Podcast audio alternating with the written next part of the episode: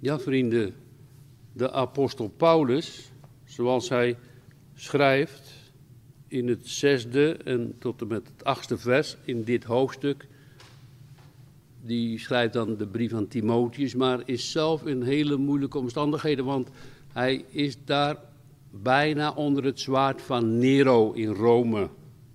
Hij noemt dat dat hij dadelijk als een plengoffer uit zal gegoten worden. En het tijdstip is heel kort. Nog even en de apostel Paulus zal gedood worden. En wat wij dan hierin opmerken, zo bijzonder, dat hij zo getrouw is aan zijn schepper, zo getrouw is aan zijn verlosser. En dat hij dan een brief gaat schrijven. Hij zit zelf vast, hij kan niet anders. En deze brief, dat is de tweede brief aan Timotheus. Dan hangt het zwaard van, want de apostel Paulus is door het zwaard gedood, zoals men schrijft. Dan gaat die brief naar Timotheus toe. En dan zegt hij in het eerste vers, geliefde vrienden, ik bezweer u ten overstaan van God en de Heer Jezus Christus, die de levenden en de doden zal oordelen bij zijn verschijning en in zijn koninkrijk. Dus de apostel Paulus die neemt de eedswering in het begin van deze brief van hoofdstuk 4. Hij neemt de eedswering voor God en zo spreekt hij Timotheus, zijn geliefde medearbeider, aan. Het lijkt wel een heel hard woord, maar daar moeten we over nadenken. Zo zal God ons allemaal aanspreken. Hij zal onze werken zien. Hij zal ons beoordelen.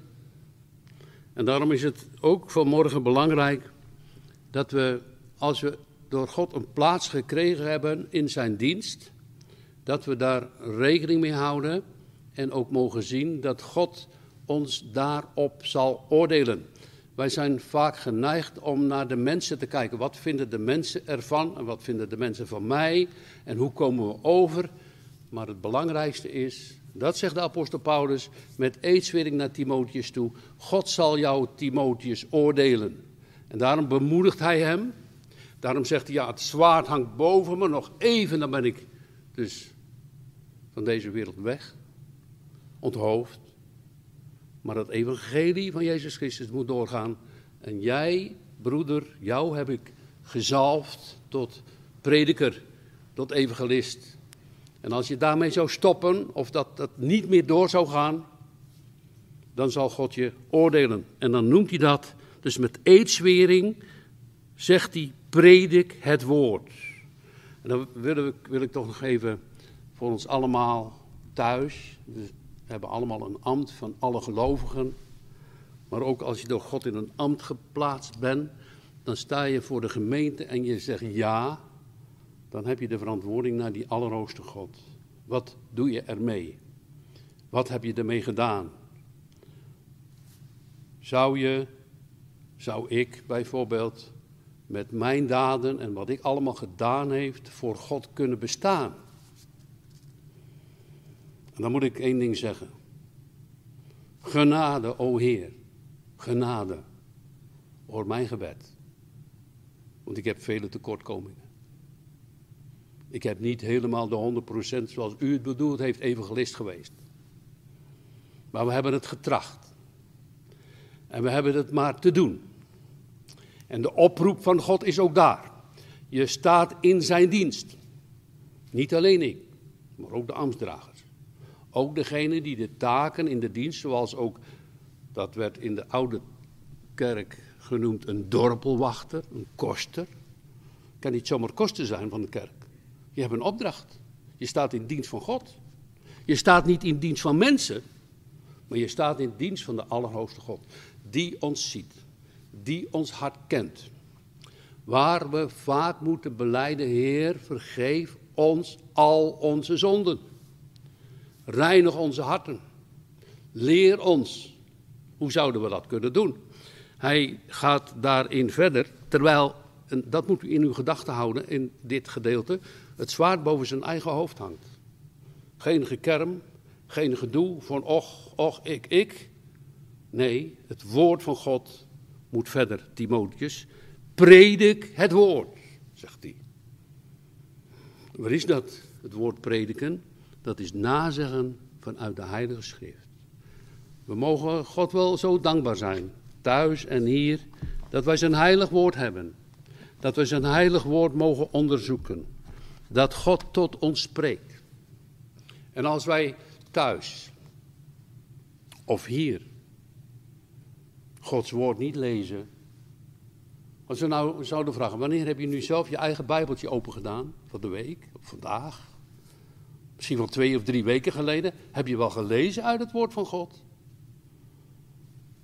Dat is hetzelfde als wat Paulus hier roept. Predik het woord. Ben je ermee bezig? Waarom zeggen we dit? Het woord lezen. Nou, daar hoor je de stem van Jezus Christus tot je spreken. Hij wil je wat zeggen. Hij wil je onderwijzen. Hij wil je zoveel geven. Of dat onze gedachten in deze wereld, die zo moeilijk is, zo afgetrokken worden van de natuurlijke dingen, dat we andere dingen op de eerste plaats zetten. En Gods woord dicht laten. Dan roept Hij ons vanmorgen op. Bekeert u van deze dingen. Predik het woord, maar ook lees het woord. Lees het woord van God. En hij zegt daarbij, uh, volhard daarin. Ja, nou, het komt mij vandaag niet uit hoor. Ja, maar eh, ik voel me eigenlijk niet zo lekker. Vandaag maar niet naar de kerk hoor. Vandaag maar niet naar de prediking. Ja, maar morgen dan? Dan sta je misschien wel in het rijtje bij de supermarkt. Dat wel. Zie je? Dus wat is voor ons de eerste plaats? God ziet het. En daarom die eedswering. God zal dat, dat zien en dat oordelen. God is, onze Heere is een God die alle zonden vergeeft. En daarom, al was het bij mij en bij u zo vaak fout, we kunnen terugkomen aan zijn voeten. Wij kunnen bij dat kruis van Christus alles beleiden. Dan zegt hij, volhard daarin. Want dat is nodig. Predig het woord als een bevel, als een plicht. Het is een dwingende noodzaak. Waarom? Omdat de apostel Paulus weet, wat hij ook zelf geschreven heeft in de Korinthebrief, dat door de dwaasheid der prediking God mensen zalig maakt. God maakt op die manier mensen zalig als dat woord niet tot hen komt. Als dat woord geen kracht doet in hun leven, dan worden de mensen niet zalig. Want het evangelie komt niet uit de aarde op. Maar het evangelie en de prediking van het woord is uit de hemel. Daarom bidden wij om de Heilige Geest. Om de vervulling. Omdat we Jezus zullen zien. Omdat we in Hem zullen geloven. Zo staat het er in de Romeinenbrief, het eerste hoofdstuk. Het, ik dacht vers 16. Het evangelie is een kracht Gods. Voor een ieder die gelooft. Voor de Grieken een dwaasheid en de Joden een ergernis. Maar voor jullie een kracht Gods tot zaligheid. Het komt dus uit de hemel. Het verwacht de echo terug van Amen. Van uw woord. En dan zegt de apostel. Op een gelegenheid, zoals nu, of als je denkt, nou, nu kan het niet. En die tijden kunnen we wel mee gaan maken, waar dus de duivel probeert de prediking te stoppen van het woord Gods. We, krijgen, we zitten in een coronasituatie, mensen zitten thuis. Toch mogen we op deze manier verder gaan met het woord Gods. Gelukkig maar. Het is allemaal beperkt. We ontmoeten elkaar niet. Maar één woord, zegt die hoofdman overonderd. Spreek één woord, Jezus, en mijn knecht is genezen. Dus één woord van u in mijn hart is meer dan al die woorden en al die dingen van deze wereld. Daar leeft een christen bij. En daarom zegt hij, op een goede tijd, maar ook als het heel moeilijk wordt. Tijdig in de oude taal staat het zo, of ontijdig. Dat je denkt, ja, nu kan het eigenlijk niet. Ga dan toch door bij de prediking van het woord van God. Want ze hebben toen ook wel gezegd, daar bij de eerste prediking in Jeruzalem, de, het Sanhedrin en de fariseeën schriftgeleerden tegen de apostel Johannes en de apostel Paulus. Jullie mogen nooit meer en niet meer in de naam van Jezus Christus prediken. En dan komen ze bij elkaar, dan roepen ze God aan, er komt een aardbeving en ze zeggen, wij moeten God meer gehoorzaam zijn dan mensen. Hoe ver gaat het met de coronacrisis? Hoe ver gaat het in deze wereld? Zullen wij dit nog mogen doen? In heel veel landen is het verboden. Als u daar zou wonen in Noord-Korea bijvoorbeeld. Wat een nood, wat een ellende. daarom, wat hebben wij nog goed? Wat hebben wij nog? Het woord. Dus predik het woord, volhard daarin, op een goede tijd of op een ongelegen tijd. En dan zegt hij, weerleg. Dus, hé, hey, weerleggen. Dat betekent eigenlijk, oh, er komen allerlei woorden. Ja, maar dat is toch zo? Nee, maar jij moet dus weerleggen. En hoe zou je dat dan doen, apostel? Paulus en u, evangelist Timotheus. Dan moet u dus de Heilige Geest ontvangen in uw hart. Die zal u in alles leren. Dat heb je niet uit jezelf. Dat weet je door God hoe het is. Dat voel je. Dat ervaar je. Dat onderzoek je. Dat is gebaseerd op het woord Gods. Dus weerleggen. Ja, jullie zeggen dat het zo is. Jullie zeggen dat er bijvoorbeeld geen opstanding is. Of jullie zeggen dat er bijvoorbeeld Jezus maar alleen een mens was. Of dat God de hemel en de aarde niet uit zes dagen geschapen heeft. Dan moeten wij dat naar het woord van God weerleggen. En uitleggen. Nee, dat is niet zo. Dit is het woord van God. Want willen wij aankomen in dat koninkrijk van God waar Jezus is, die ons roept, dan moeten wij naar zijn wil en naar zijn werk en naar zijn overeenkomst zalig worden en niet naar onze gedachten. Heel veel mensen willen over hun eigen gedachten zalig worden, maar de schrift leert dat het evangelie is niet naar de mens. En daarom, dat weet Paulus, dat zal hij in het volgende vers ervaren, weerleg, bestraf, nou dat is niet zo'n mooi woord. Dat doe je niet graag als prediker iemand bestraffen. En soms moet het wel. Soms word je zelf ook bestraft. Dat was niet goed. Soms moeten ouderlingen zeggen: Voorganger, dat heb je gezegd, maar dat was niet goed. Dat is niet naar het woord van God. Dat is de opdracht van de ouderlingen. De opdracht van oudste of ouderlingen is groter als dat u denkt. Stel u nu voor dat ik plotseling ziek ben of zou sterven. Dan hebben we hier moment twee ouderlingen. Die nemen dan de dienst waar en prediken. Dat is hun opdracht. Dat was vroeger ook zo. En ik weet op sommige plaatsen gebeurt dat ook. En dat moet kunnen. Daar mag je jezelf in oefenen. Nou, dat je daar dan staat als bibberend en dat je het niet weet en dat je denkt, hoe moet dat? Dat snap ik ook. Dat heb ik ook. Zo vaak en nog steeds. Maar dat God je zal helpen als je in de naam van Jezus Christus hier zal staan, dat is ook wel zeker. Dat is zeer zeker. Hij zal je helpen. Want je hebt niet je eigen woord, maar je hebt zijn woord te prediken. Nou, dan moet je de ander bestraffen. Dan moet je zeggen, ja, je hebt, hoe kan je nou christen zijn? Ik kwam een man tegen. Tenminste, ik ging naar een kerk toe. Ik heb het al vaker gezegd. Als voorbeeld even. Hè. Dus ik stap uit mijn auto. Het was donker in de winter. En er staat een man naast mij. Uh, donker, donkere man. Had geen kous aan. Denk een zwerver. En hij zegt, nou meneer, ik ga op uw auto passen. Ik snap wat daarmee bedoeld wordt. Ik kom uit Rotterdam. Ja, dat betekent geef mij geld, want anders heb je een kras op je auto. Tuurlijk. Ja toch? Ze hoeven mij niet op mijn auto te passen, maar ze hoeven ook geen kras te geven. Ik zeg, maar ik heb een andere vraag aan jou. Ben jij christen? Hij zegt, ja. Hij dacht, als ik nu zeg dat ik christen ben, krijg ik misschien wel meer geld. Ik zeg maar, oké, maar je bent christen. Ik zeg, maar bid je wel eens dan? Hij zegt, nee. Ik zeg, ga je wel eens naar de kerk? Nee. Ik zeg, lees je wel eens uit de Bijbel? Hij zegt, nee. Zie je, bent geen christen. Dat is bestraffen, dat, je bent geen christen. Dat kan niet. Ho, hoezo hoor je bij Christus als je zijn stem niet hoort en zijn woord niet zou horen? Dat kan niet. Ik zeg, maar ga eens mee naar de kerk. Ik moet daar prediken. Dus hij gaat mee. Zeg, daar wordt gebeden, wordt de Bijbel gelezen en gepredikt. En je zit in de kerk.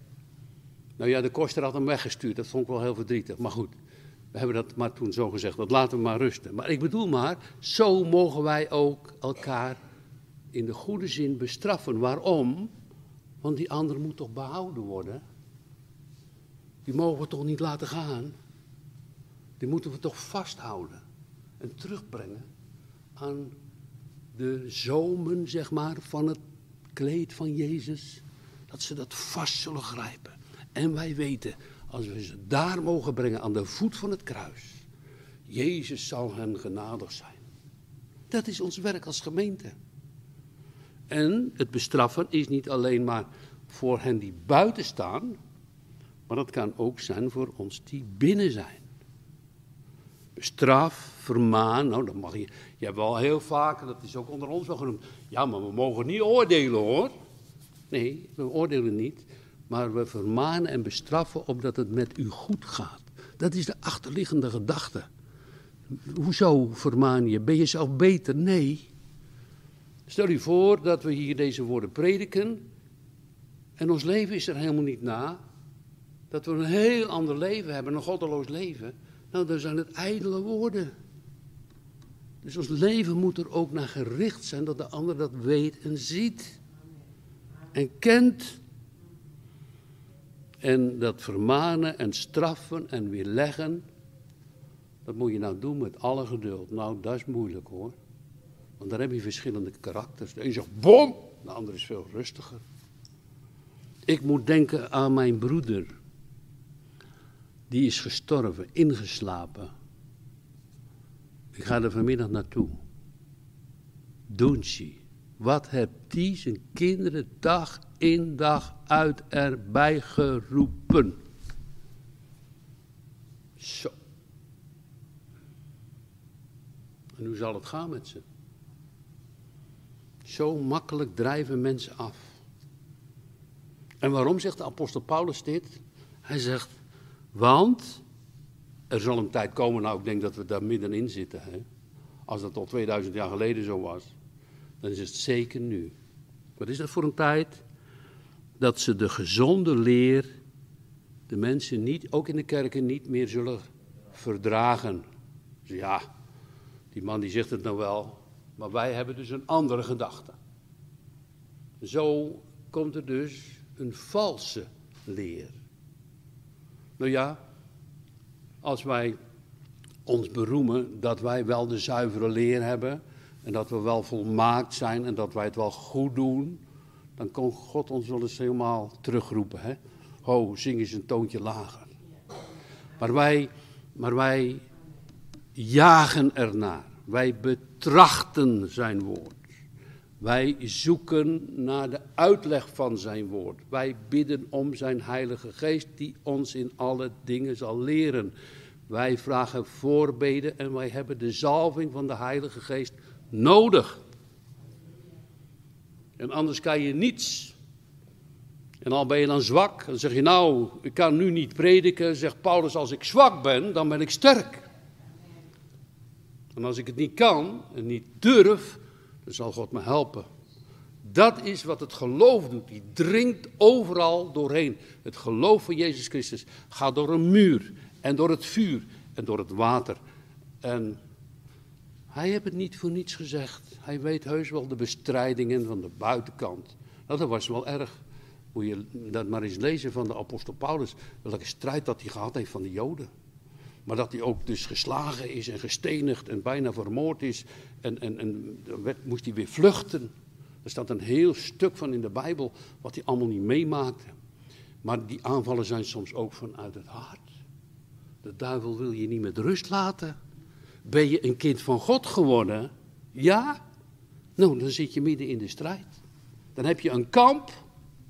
Geen kampvuurtje, nee, een strijd. Dat is het Duitse woord, kampen, hè.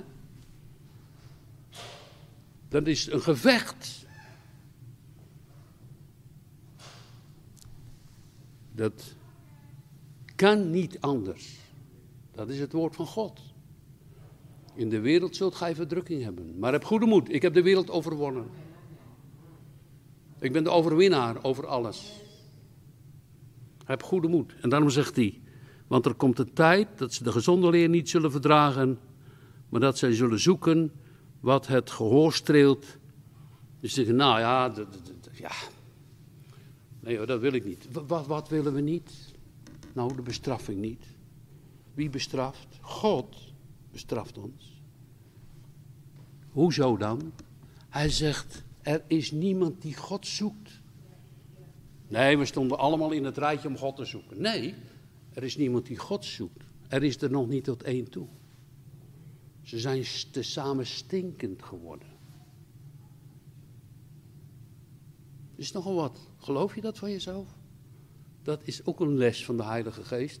Dat je dus ziet dat er van jouw kant, vanuit jouw wezen, geen redding is. Maar bij Christus, die komt uit de hemel. Om het evangelie te verkondigen. Jezus kwam voor u. Om u zalig te maken. En dan geloven wij dit. Dat er is een beleidenis van schuld. Een opzien in het gebed naar Jezus. En het geloven in zijn toekomst. En in zijn kracht. En in de vergeving van zonde. Die in mij gelooft, die heeft het eeuwig leven. Dat is dus bekering en geloof. Het werk van de Heilige Geest. Het werk van de wedergeboorte. Het werk van het geloof in onze harten. Dat komt uit de hemel. Dat komt uit het woord van God. En als we dat niet willen, dan zeggen we nou, dan nemen we een andere leraar. Die streelt ons, die zegt zachtere woorden naar onze eigen begeerte. En, zegt de schrift, die zullen het, gehoor van de waarheid afkeren. Er komt dus twijfel. Wie is daar nou mee begonnen? De duivel in het paradijs.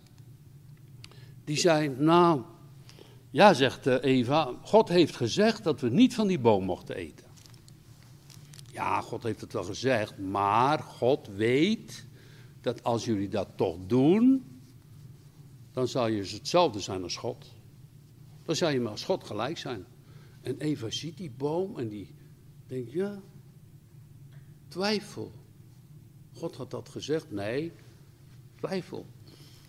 En dat is het wat mensen proberen te doen in de gemeente en in de kerk. Twijfel, ja, maar hij zegt dat wel, maar het kan toch ook zo? En op de duur kan alles ermee door. Er zijn kerken, Nederlandse hervormde kerken, protestante kerken, waar alles ermee door kan. Alles. Tot de goddeloosste dingen. Jezus is geen God. Mannen kunnen trouwen met mannen en vrouwen kunnen trouwen met vrouwen. Maakt niet uit. Alles kan maar onder de zegen van God, want het valt toch onder de noemer van liefde. Ja, dat is eros, maar dat is geen agape liefde. Daarom. Men zoekt dan voorgangers naar hun eigen begeerten. En ze zullen de van de waarheid afkeren. En ze zullen de verzinsels geloven. Hoeveel mensen geloven niet in verzinsels die heel snel voorbij gaan?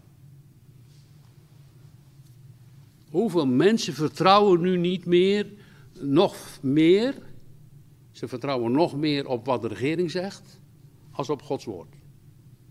Ja, de regering zegt anderhalve meter afstand. Nou ja, natuurlijk, proberen we ook. Maar geloof je nou Gods woord ook? Wat zegt hij nu? Wat wil hij nu van mij? Kijk, en da, dat is wat de apostel Paulus voorziet bij zoveel mensen. Daarom is de vermaning nodig. Het weerleggen, het volhouden van het prediken. Of ze het nou willen of niet. Ja, mensen willen steeds iets nieuws horen. Ja, dat weet ik al lang. Maar kijk, een, iemand die nu begeerig is naar de stem van God. Die kan soms van een prediking al lang weten, oh dat zal er nu wel gezegd gaan worden. Dat kan. Maar hij keert zich niet af, want hij hoort de stem van zijn meester. Zo is het ook met bidden. Het gebed gaat tot God. Dat is door de Heilige Geest, als het een goed gebed is. Dat komt voor de troon van God. Dat wordt gezuiverd door het bloed van Christus. En de Heilige Geest zet het terug in je hart. En de gebeden zullen verhoord worden op zijn tijd en naar zijn wil. En zo is het ook met de prediking van het woord. Want hij heeft gezegd: Mijn woord zal niet leeg, niet nutteloos terugkeren. Het zal doen alles wat mij behaagt. En iemand die door God aangeraakt is, nou, die hebt soms genoeg aan een enkel woord of een enkel versje in de kerk. Ja, oh God, dat was vannacht al in mijn hart. En nu gaat het hier gezongen worden bijvoorbeeld. Het was al in mijn hart over dat bloed van Jezus Christus. En, en, en, en, en, en nu hoor ik dat ook hier. Het is het werk van de Heilige Geest. En je zegt amen. Zo wordt de gemeente gebouwd. De ambtsdragers en de evangelisten zijn geroepen, en ieder van de gemeente, om het koninkrijk van God te bouwen. Op te bouwen. Moeilijke taak. Grote opdracht. Slappe handen, slappe knieën. En daarom dit woord. En daarom deze prediking. En daarom deze oproep van de apostel Paulus. Het zwaard boven zijn hoofd. Nog even en een grote klap van een soldaat en zijn hoofd is eraf. En hij is voor eeuwig bij God. En dat zegt hij ook. Hij zegt, ik word als een plengoffer geofferd. En het is bijna gebeurd het. Nou, en al die mensen, wij hoeven daar niet maar, maar een, een af te duwen, maar we moeten het wel ontdekken. Omdat we uw woord de Bijbel zo lief hebben, er zo van houden. Dit is goed, dit zegt u. Daar heb ik wat aan. Dit is uw testament. Hier spreekt u tot mijn hart. Hier heb u mij vernederd. Het woord vernedert ons ook. Hier heb u mij getoond wie ik was door het woord. Maar hier heb u mij ook opgericht.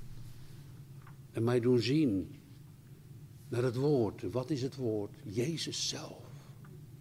Ik ben het woord van het leven. Die tot mij komt, ik werp hem niet uit. Als je zo komt, al heb je nog je hele leven met schuld beladen. Al zie je zoveel ellende rond je heen.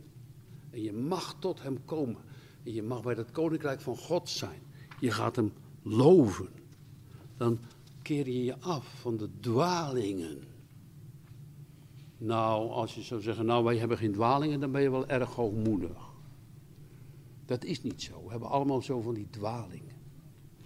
Maar wij betrachten ons vast te klemmen aan dat goede en eenvoudige woord van God.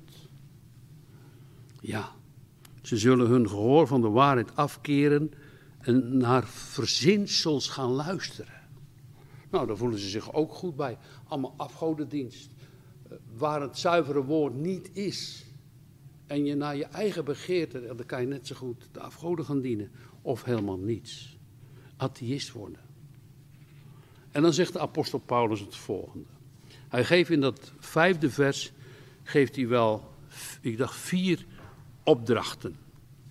Hij zegt, maar u, Timotheus, wees nuchter. Nuchter? Bedoelt hij dat, dat, dat Timotheus veel alcohol drinkt? Nee, dat bedoelt hij niet. Hij bedoelt eigenlijk wees nuchter.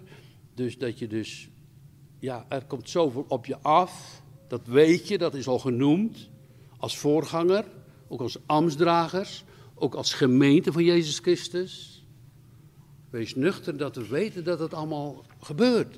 Ga daar goed mee om, op de goede manier. Wees nuchter. Niet met alcohol, maar dat je ook de, door die nuchterheid, die dwaalleraren kan weerleggen. Er zijn zoveel mensen die doden vereren, engelen vereren, mensen vereren. We hebben het vaak gezien. In mijn leven heb ik het op verschillende manieren gezien. Dat men de voorganger zo op een hoog voetstuk hebt gezet en zijn gaan vereren. En daar gaat God niet mee akkoord. Dan heb ik het ook verschillende keren gezien. Dat de ene voorganger die gaat hoereren. En de andere kwam om in de alcohol. En de vierde die was met homofilie begaan. Zo laat God ons dan los. Als wij de eer roven van hem. Hoezo pop in Rome? Jezus Christus toch?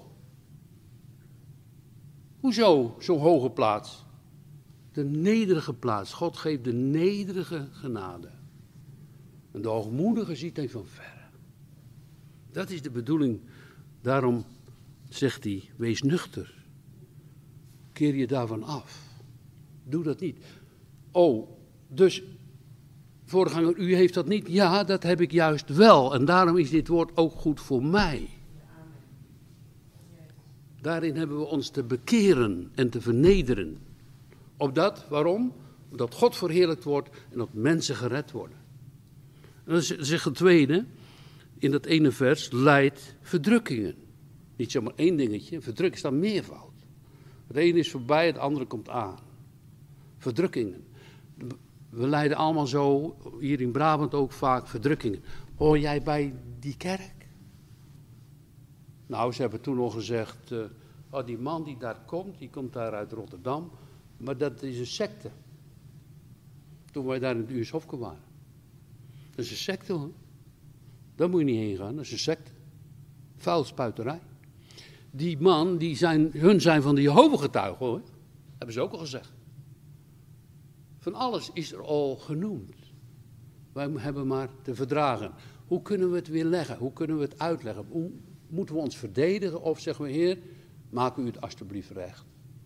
Leid, verdrukkingen, dat is niet als maar een slap overal je mond over te moeten houden. Dat wordt niet bedoeld, maar wel dat we het in Gods hand geven. Staat ook echt in de psalmen. Als we strijd hebben of moeilijkheden met andere mensen of wie dan ook, we leggen het in Gods hand. We leggen het terug, heren, alsjeblieft, ik kan er niets mee. Ik heb het mogen ervaren al verschillende keren in mijn leven dat ik het aan Gods handen heb gelegd. Hij heeft het voor me opgelost. Als ik zelf ga strijden, ik verlies het aan alle kanten en zijn eer gaat bij ons weg. Ik moet het, het is een moeilijke les, mensen. Het zijn absoluut moeilijke woorden die de apostel Paulus tot Timotheus zegt. Daar kan je maar niet zomaar overheen lezen. Als je in die verdrukkingen zit, je moet hier maar wonen. Net als hier in dat Brabant en je familie zegt, poeh, jij als christen, je bent toch het zwarte schaap van de familie? Hoezo dat jij nou in één keer vroom geworden bent? Ben je gek geworden? Ga je niet meer mee een biertje drinken of zo? Ben je gek geworden of zo? Wat is dit met jou? Zo toch? Dat is dan hier vaak aan de hand. Dat heb ik van vaak mensen gehoord. Dan zeg je, nee, ik kan niet meer. God heeft me geroepen, hij heeft me getrokken, hij heeft me vastgehouden, hij heeft me gegrepen. Ik kan niet meer terug. soms ga je door de zwakheid wel terug. Oh, gelukkig hè, dat, je, dat God, die goede God, ons dan terugroept en terugbrengt. Leidt verdrukkingen. Hoezo leidt je verdrukking? Omdat je aan dat woord van God vasthoudt. Als wij in deze boze wereld, in de politiek, waar dan ook ermee te maken hebben, en we houden ons aan het woord van God vast. Het woord van God is compromisloos. De politiek is allemaal compromis. Weet je, nou ja, jij een beetje en ik een beetje. Nou, als jij nou Hè? Als, als, als jullie nu dat doen, dan, nou, dan krijg jij ook een beetje. Maar het woord van God is compromisloos. Het is geen compromis. Het is zwart, de duisternis van de hel, over het licht van de hemel. Een andere weg is er niet. Het, is moeilijk hè, om als mens daarmee om te gaan. Daarom hebben we dit prachtige woord. Hè? Leid, verdrukking is een gevolg van het vasthouden van de waarheid. Je leidt verdrukking omdat je het evangelie predikt. Mensen komen soms in opstand tegen je. Die zullen je maar vreemd vinden. Maar leidt verdrukking. Nou, wat hebben wij te klagen hier? Mensenvrees, ja, daar zegt ook een, uh, een psalmist, hè, die, die, ja, die zegt eigenlijk, ja, kijk, ze hebben, die hebben geen last van andere mensen. Maar ik word elke dag aangevallen in mijn hart door wat andere mensen van mij zeggen en denken. Maar de wereld heeft daar bijna geen last van. Weet je, dus, dus dat ook. Van binnen en van buiten zijn er aanvallen, verdrukkingen. En die verdrukkingen, als wij die in Gods hand geven, en dat is de weg van Christus.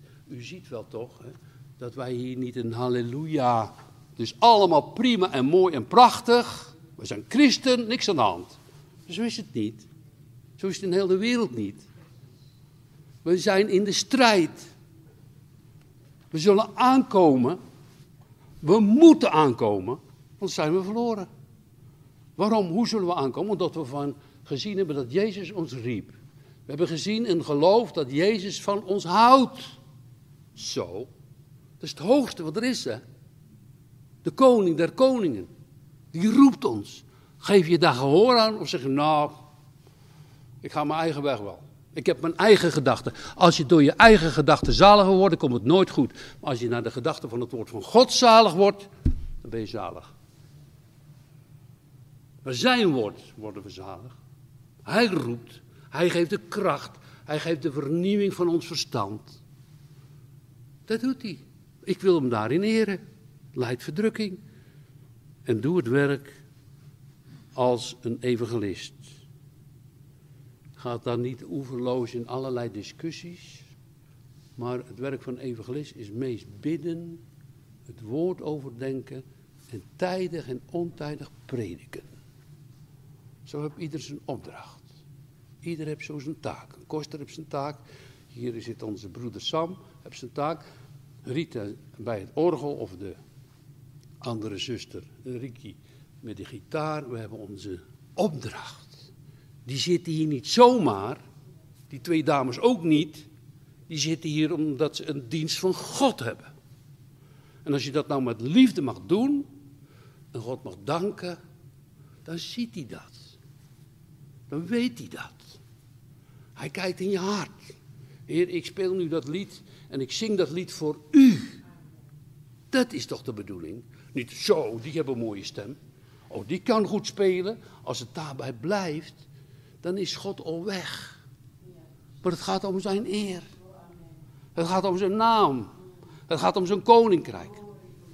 En daar, in al onze tekortkomingen en al onze pogingen dat je van jezelf moet zeggen, ja, het is allemaal zo aan de marge. Het is toch allemaal maar niet zo goed.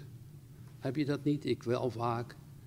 Nou, dan zegt hij, ja, maar kijk, jij voelt je een nul. Maar zegt Jezus, ik ben die één, ik zet die één ervoor. Dan heb je tien. Als je een tien hebt op je rapport, hoger kon je toch niet komen. In Jezus' naam. Nou, dat is het wat God doet voor ons. Dat evangelie wil hij verkondigen. Doe dan het werk van een evangelist. Al word je tegengestaan, al denk je dat, het niet, dat je het niet kunt, al denk je dat het allemaal min of minder waardig zou zijn. Dat onze kerk zo klein is of noem maar op. Nee, hij zegt predik het woord, tijdig, ontijdig, al zijn er maar drie of vier mensen. Wat dacht u? Hij gaat door met zijn koninkrijk en met zijn werk. Als God zijn zegen geeft. Dat was mijn gebed in de auto. Als u uw zegen geeft vanmorgen hier. Nou heren, dan is het voor u. Dan is het uw koninkrijk. Doe en zeg het goede. Waarom? Omdat mensen tot bekering komen. En omdat gelovigen voedsel mogen ontvangen. Omdat ze verder kunnen in de moed en in de strijd van het leven. En tot de erkenning van de waarheid komen. Ja, dit is de waarheid. Weet je, weet je wat iemand dan zegt? Als hij de waarheid door de Heilige Geest ontvangt, ik heb het. Want dat wordt bestreden, hè? Als je de waarheid hoort, dan wordt het zo vaak aangevallen door de duivel ook, of in je hart. Dus ja, al die, die, die, die, die dingen die kunnen in je leven zo spelen. Maar dan zeg je, en dat mag je zo zeggen, Ik heb het zelf uit zijn mond gehoord. Wat voor sterveling zou mij schenden? Ik heb beloofd, wanneer ik in mijn moeilijkheden mij tot u zou wenden. Zal u mij redden. Dat is onze God. Zo is het werk van predikers. Mensen kijken daarnaar en denken, nou dat is een mooi baantje. Nou, het is ontzettend moeilijk. En wij staan dadelijk voor de troon van God. En dan zegt hij, ja, had je daar dat niet... Ja, Piet Evangelist, je had daar toch beter kunnen zwijgen? En daar heb je niet gesproken. Dan moet ik zeggen, Heere genade, bedek alles onder uw bloed. Dat u ons prediker bent. U bent de prediker. Wij zeggen na wat u gezegd hebt.